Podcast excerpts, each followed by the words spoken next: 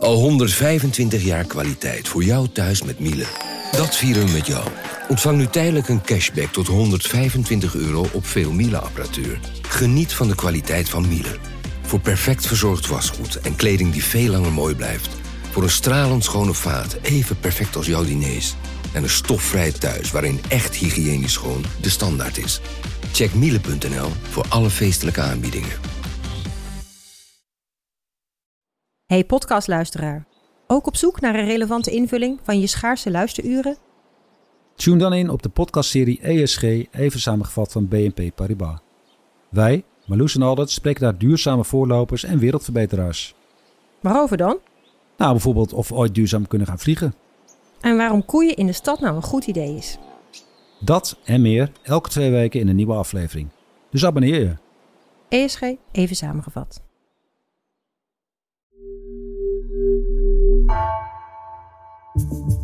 Vanaf de redactie van NRC het verhaal van vandaag. Mijn naam is Floor Boon.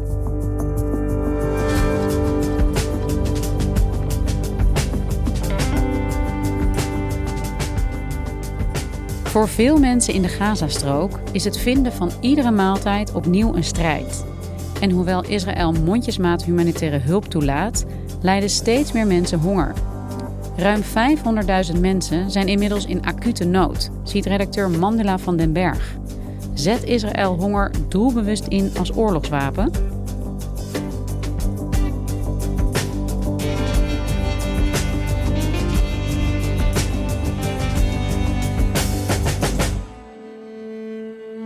As usual, every single morning, uh, we wake up early, and uh, it's not because we want that, it's because that uh, nobody can sleep at night. Uh, it's always we sleep one hour and then we wake up to the airstrikes.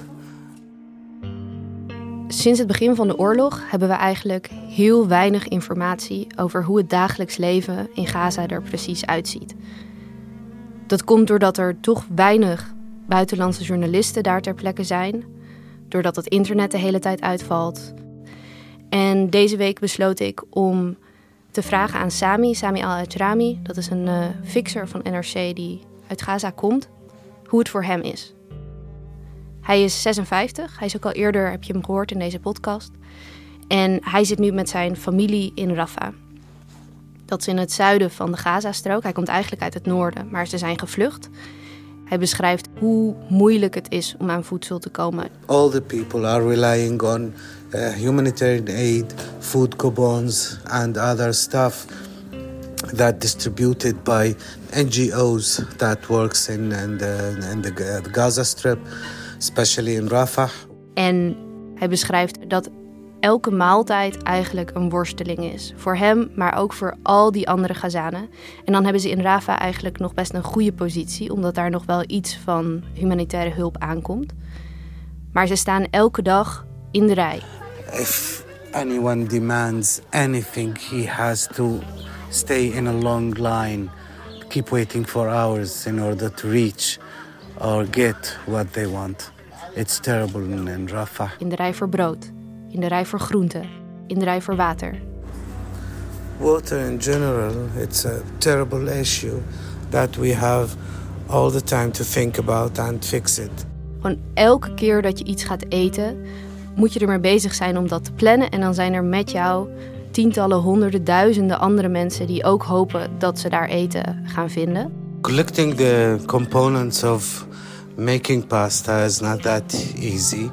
Cooking oil, tomato sauce, the, the, the pasta itself, everything is um, uh, double price or three times, sometimes ten times the price uh, of uh, the component. Zij wonen nu op dit moment in een kelder in Rafah. En vlak voor hun huis is een bakkerij. En door het raam horen ze de hele dag Mensen ruzien in de rij voor die bakkerij. En die spanningen lopen op, mensen zijn gestrest. Dus het heeft op alle manieren heeft het invloed op het dagelijks leven en op mensen hun welzijn. De situatie in Gaza wordt door mensenrechtenorganisaties al langer als een humanitaire ramp omschreven. Maar dat wordt nog steeds met de dag erger. Steeds meer mensen op steeds minder ruimte omdat ze vluchten voor de bombardementen. Ziekenhuizen die de vraag niet aankunnen. En dus dat gebrek aan eten wat daarboven hangt en mensen helemaal hun leven overneemt. En het ding is dat deze situatie niet zo zou hoeven zijn. Deze ramp is eigenlijk man-made. Want buiten de grenzen van Gaza, daar staan vrachtwagens in de Sinai-woestijn die klaar zijn om humanitaire hulp te verschaffen. Genoeg voor de 2,2 miljoen Gazanen. En die worden maar mondjesmaat naar binnen gelaten. En Israël heeft daar verklaringen voor. Zij zeggen we moeten alle vrachtwagens controleren. We moeten er ons van vergewissen dat Hamas niet die spullen in handen krijgt. Maar tegelijkertijd krinken er steeds meer vragen, ook van deskundigen, of Israël niet honger als oorlogswapen gebruikt. Ja, dat is nogal wat. Honger van de Palestijnse burgerbevolking als wapen in de oorlog tegen Hamas. Um, om zoiets vast te stellen, zouden we misschien wel eerst even moeten weten wat dat dan precies is: honger inzetten als oorlogswapen. Hoe ziet dat er in de praktijk uit? Ja, ik vroeg me dat ook af. En daarom ben ik gaan praten met hongeronderzoeker Ingrid de Zwarte. Ik ben universitair docent economische en milieugeschiedenis aan de Wageningen Universiteit. En mijn onderzoek richt zich op de rol van voedsel en honger in tijden van oorlog. Zij beschrijft hoe honger eigenlijk al heel lang en heel vaak een onderdeel is van oorlogsvoering. En honger kan op verschillende manieren ingezet worden, bijvoorbeeld in een belegering of een langdurige militaire blokkade. Denk aan de middeleeuwen met ommuurde steden die werden belegerd en langzaam uitgehongerd werden. En Ingrid vertelde me ook nog over andere methodes die werden gebruikt. Hierbij moet je bijvoorbeeld denken aan het doelbewust kapotmaken van akkers, waardoor een bevolking ook geen eten meer kan verbouwen. Of op een andere manier het kapotmaken van de voedselinfrastructuur. En wat ook interessant is, is dat honger en voedsel daarbij allebei als drukmiddel gebruikt kunnen worden. Dus aan de ene kant de dreiging van honger en aan de andere kant belofte van voedsel. Dat zijn allebei krachtige drukmiddelen die strategisch ingezet kunnen worden om mensen te paaien, een bevolking te ontwapenen.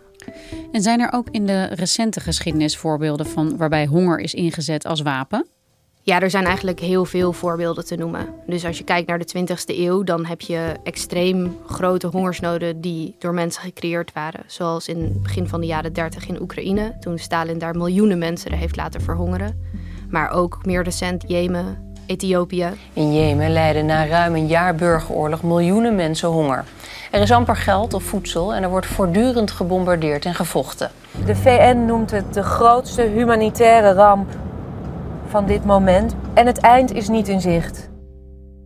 Maar de honger die misschien het wel het sterkst in ons collectief geheugen in Nederland staat, is de hongerwinter. Aan het eind van de Tweede Wereldoorlog, in de winter van 1944-1945. Toen zo'n 20.000 mensen door honger en kou ook uiteindelijk omgekomen zijn. Maar wat we ook geleerd hebben van de hongerwinter, is dat het niet alleen op dat moment grote gevolgen kan hebben, honger. Maar dat het ook enorm lang kan doorwerken in een maatschappij. En daar is ook veel onderzoek naar gedaan. En wie daar enorm veel over weet, is Tessa Roosboom, die al 25 jaar onderzoek doet naar de effecten van honger op ongeboren baby's.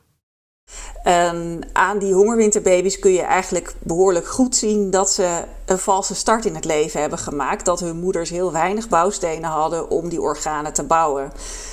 En dat zag je bijvoorbeeld heel duidelijk als je MRI-scans maakt van de hersenen. Dan zie je dat de hersenen van baby's dat die kleiner zijn. En dan zie je bijvoorbeeld dat mensen gevoeliger zijn voor verslavingen. Dat ze uh, vaker uh, angst- en depressieklachten hebben. Maar ook dat ze minder meedoen op de arbeidsmarkt. Wat uit haar onderzoek blijkt, is dat die gevolgen zo groot zijn dat een hele generatie daar eigenlijk door gevormd kan worden. En dat gaat niet alleen maar om die generatie baby's, maar ook weer over hun kinderen. Ja, het is behoorlijk gruwelijk als je het zo omschrijft. En als we weer even teruggaan naar Gaza. Is het reëel dat dat op dit moment gebeurt daar? Dat is zeker reëel. Ruim de helft van de Gazaanse bevolking op dit moment lijdt aan acute hongersnood. En inmiddels spreken mensenrechtenorganisaties van een ongekende noodsituatie. Van de 700.000 mensen die wereldwijd kampen met acute hongersnood, wonen er 570.000 in Gaza. En jij hebt het over een acute hongersnood. Wanneer wordt iets ook in een land of in een gebied erkend als een hongersnood? Ja, uiteindelijk is hongersnood een technische term. Je hebt iets dat heet het IPC, Integrated Food Security Phase Classification. Die hebben een systeem daarvoor om daar naar te kijken. En daarvoor kijken ze eigenlijk naar drie dingen. Dus of als 30% van de kinderen zwaar ondervoed is, of als de sterftecijfers meer dan verdubbelen, of als 20% van de bevolking een catastrofaal gebrek aan voedsel heeft. Als één van deze dingen aan de hand is, dan wordt er gesproken over hongersnood. En is dat in Gaza het geval? Nou, in Gaza dreigt dat wel echt het geval te zijn. Dus heel veel mensen hebben te maken met acute honger. En er wordt gevreesd dat er binnenkort echt sprake kan zijn van een all-out hongersnood. En daarbij zijn er ook groepen die extra kwetsbaar zijn. En dan gaat het over jonge kinderen, ouderen, maar ook zoals Tessa Rozenboom beschreef, om ongeboren kinderen. Omdat de moeders van die kinderen ondervoed zijn en dus niet genoeg voedingsstoffen kunnen doorgeven aan, aan hun baby's. De Verenigde Naties hebben geschat dat er zo'n 50.000 zwangere vrouwen waren in Gaza op het moment dat de oorlog uitbrak. Dat betekent dat er 160 baby's per dag geboren worden, nu in deze omstandigheden. De schade die je daarmee toebrengt aan een samenleving is eigenlijk nu nog niet te overzien. Is op dit moment vast te stellen of Israël dat ook bewust doet op dit moment? Dat de dreigende hongersnood in Gaza doelbewust wordt gecreëerd? Dat is ontzettend moeilijk vast te stellen. Maar wat wel heel duidelijk is, wat Ingrid de Zwarte mij ook vertelde, is dat sinds het midden van de 20e eeuw honger eigenlijk niet meer hoeft te bestaan. Dus in theorie is er voldoende voedsel op de wereld om iedereen te kunnen voeden. En hebben we alle infrastructuren en organisaties die nodig zijn om ervoor te zorgen dat een voedselcrisis niet uitmondt in hongersnood. Alle hongersnoden vandaag de dag zijn dan ook door mensen gecreëerd. Ze zijn of niet adequaat op tijd voorkomen of ze zijn doelbewust veroorzaakt. En daarom is het ook belangrijk dat we hongersnood ook echt als een politiek probleem zien. Dat gaat zelfs zo ver dat Ingrid de Zwarte beschreef dat er ook deskundigen zijn die helemaal niet meer willen spreken over hongersnood, maar over uithongering, omdat er dus altijd een keuze achter zit. Ook in Gaza zie je, de wagens staan gewoon klaar aan de grens. Dus dat roept vragen op over de politieke belangen die gediend worden met die honger. People are fighting to get anything they can use in these circumstances, in, in this huge pressure that they are living.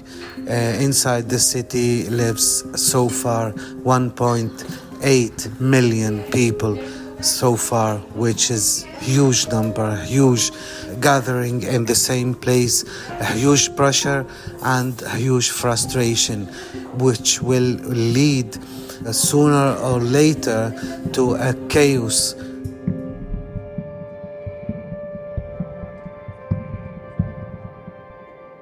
En welk politiek doel zou Israël hier op dit moment mee nastreven als dit aan de hand is? Hè? Als zij honger dus inzetten als wapen? Voor hun gaat het heel erg over het vernietigen van Hamas. Zij zeggen wij stellen alles in het werk om de Gazastrook van Hamas te bevrijden. En dit is daarbij nevenschade. Maar er kwam zelfs in december al een rapport uit van Human Rights Watch over het inzetten van honger als oorlogswapen in Gaza. Waarbij ze niet alleen maar weer aantoonden dat er daadwerkelijk gebrek aan voedsel is, maar dat het ook doelbewust ingezet wordt, waarmee Israël zich dus schuldig zou maken aan een oorlogsmisdaad. Hoe heeft Human Rights Watch dat wel kunnen doen? Hè? Wat hebben zij gedaan en waar hebben ze naar gekeken om bewuste uithongering hier te kunnen vaststellen? Nou, wat ze ten eerste gedaan hebben, is door middel van satellietfoto's gekeken naar wat er nou eigenlijk gebeurt on the ground. En dan kan je zien, als je satellietfoto's met elkaar vergelijkt, hoe het landschap verandert.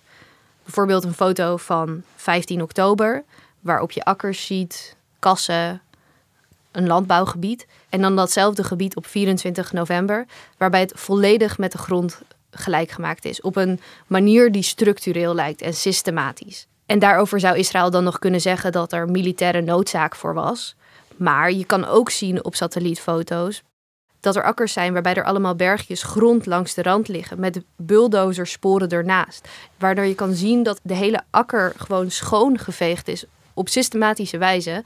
En dat is voor Human Rights Watch wel bewijs dat er ja, structureel de voedselinfrastructuur aangepakt wordt. Wat zegt Israël hier zelf over? Israël ontkent eigenlijk alle aantijgingen. Maar als je gaat kijken naar wat Israëlische politici gezegd hebben, dan zie je dat vanaf het begin van de oorlog honger als drukmiddel besproken wordt door Israëlische politici. Dus op 9 oktober werd besloten om de Gazastrook volledig af te sluiten. En dat er toen ook gezegd werd van we doen het niet meer open totdat alle gijzelaars terug zijn. En er zijn ook hooggeplaatste militairen die zich op die manier hebben uitgelaten. Bijvoorbeeld er is een filmpje van 4 november waarin kolonel Yogev Barsest in een interview vanuit Gaza zegt: Wie hier terugkeert, zal als ze hierheen terugkeren verschroeide aarde aantreffen. Geen huizen, geen landbouw, niets. Ze hebben geen toekomst. Dus er ligt een rapport van Human Rights Watch dat vaststelt dat er honger is in Gaza en dat Israël dit doelbewust inzet. Wat zegt het internationaal recht hierover? Ja, in principe is het doelbewust uithongeren van een burgerbevolking strafbaar. Dat is vastgelegd in aanvullende protocollen in de Geneefse Conventies van 1977, ook in het Statuut van Rome. En in 2018 is er nog een VN-resolutie aangenomen die uithongering van de burgerbevolking veroordeelt. En die resolutie die is notabene op initiatief van Nederland daarin gekomen. Maar tegelijkertijd zie je in de praktijk dat die wetten nog niet heel veel doen. En dat komt ook doordat het zo moeilijk te bewijzen is wanneer uithongering echt doelbewust gebeurt. Dat het geen nevenschade is, dat het niet uit militaire noodzaak voortkomt. Er is ook nog nooit een internationale rechtszaak hierover geweest. Op dit moment wordt er onderzoek gedaan tegen Rusland over doelbewuste uithongering in Oekraïne. Maar dat zou de eerste zaak ooit zijn. En voor Gaza loopt er voorlopig nog geen zaak. En zou zoiets er nog wel kunnen komen? Zijn er al partijen die zich uh, ja, daarop voorbereiden of daarvoor hard maken? Ja, er zijn wel al groepen die daarnaar kijken. En wat je nu ook al concreet ziet, is dat Zuid-Afrika uithongering meeneemt. Zij hebben op dit moment een zaak lopen tegen Israël waarin ze hen hebben aangeklaagd voor genocide bij het internationaal strafhof. En daarin noemen zij uithongering expliciet als onderdeel van die genocide.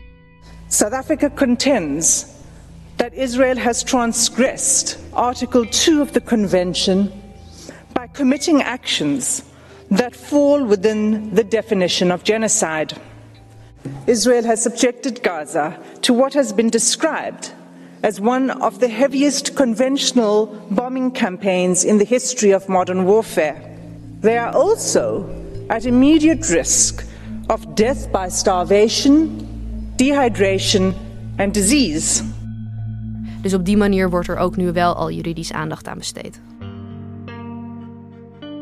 En zou zoiets nou ook nog invloed kunnen hebben in de oorlog die nu heerst? Hè? Zou het nog uh, ja, iets goed kunnen maken voor de mensen die nu honger lijden in Gaza? Ja, het lastige met het internationaal recht is dat het ontzettend traag is. Er is nu wel een vraag van Zuid-Afrika om voorlopige maatregelen te treffen tegen Israël. Dat zou op iets kortere termijn kunnen, maar een uiteindelijke uitspraak die kan nog jaren op zich laten wachten. En juist nu is de hulp natuurlijk hard nodig. Wat je wel ziet is dat door deze zaak en door de berichten van hulporganisaties er langzaam wel een groeiend bewustzijn is van de acute noodsituatie in Gaza. En dat er ook druk gezet wordt op Israël. En je ziet ook dat Israël mondjesmaat meer hulp toelaat. Er zijn inmiddels twee grensovergangen geopend. Het is nog steeds veel te weinig. Maar je ziet wel dat dat gesprek op gang komt. Maar het moeilijke van de situatie is, is dat niemand weet welke kant het op gaat. En ondertussen zitten al die Gazaanse families, zoals Sami, te wachten. Zonder dat ze uitzicht hebben op een betere situatie. In general, this is our dinner. Every single day that we have some cookies with tea and have them together with the family around the fire. We try to make some uh, nice moments in the evening so uh, uh, we can relax and talk about some issues, but not the war. And we always hope that there will be no airstrikes or loud noises of airplanes uh, so we can calm down everyone and keep listening to uh, some stories with the children. Dankjewel, Mandela. Jij bedankt. Je luisterde naar vandaag, een podcast van NRC. Eén verhaal, elke dag. Deze aflevering werd gemaakt door Lotteke Bogert en Jeppe van Kesteren. Coördinatie Henk Ruigrok van der Werven. Dit was vandaag. Morgen weer. Technologie lijkt tegenwoordig het antwoord op iedere uitdaging. Bij PwC zien we dit anders. Als we de potentie van technologie willen benutten, kunnen we niet zonder een menselijk perspectief. Human-led, tech-powered noemen we dat. Ga naar pwc.nl.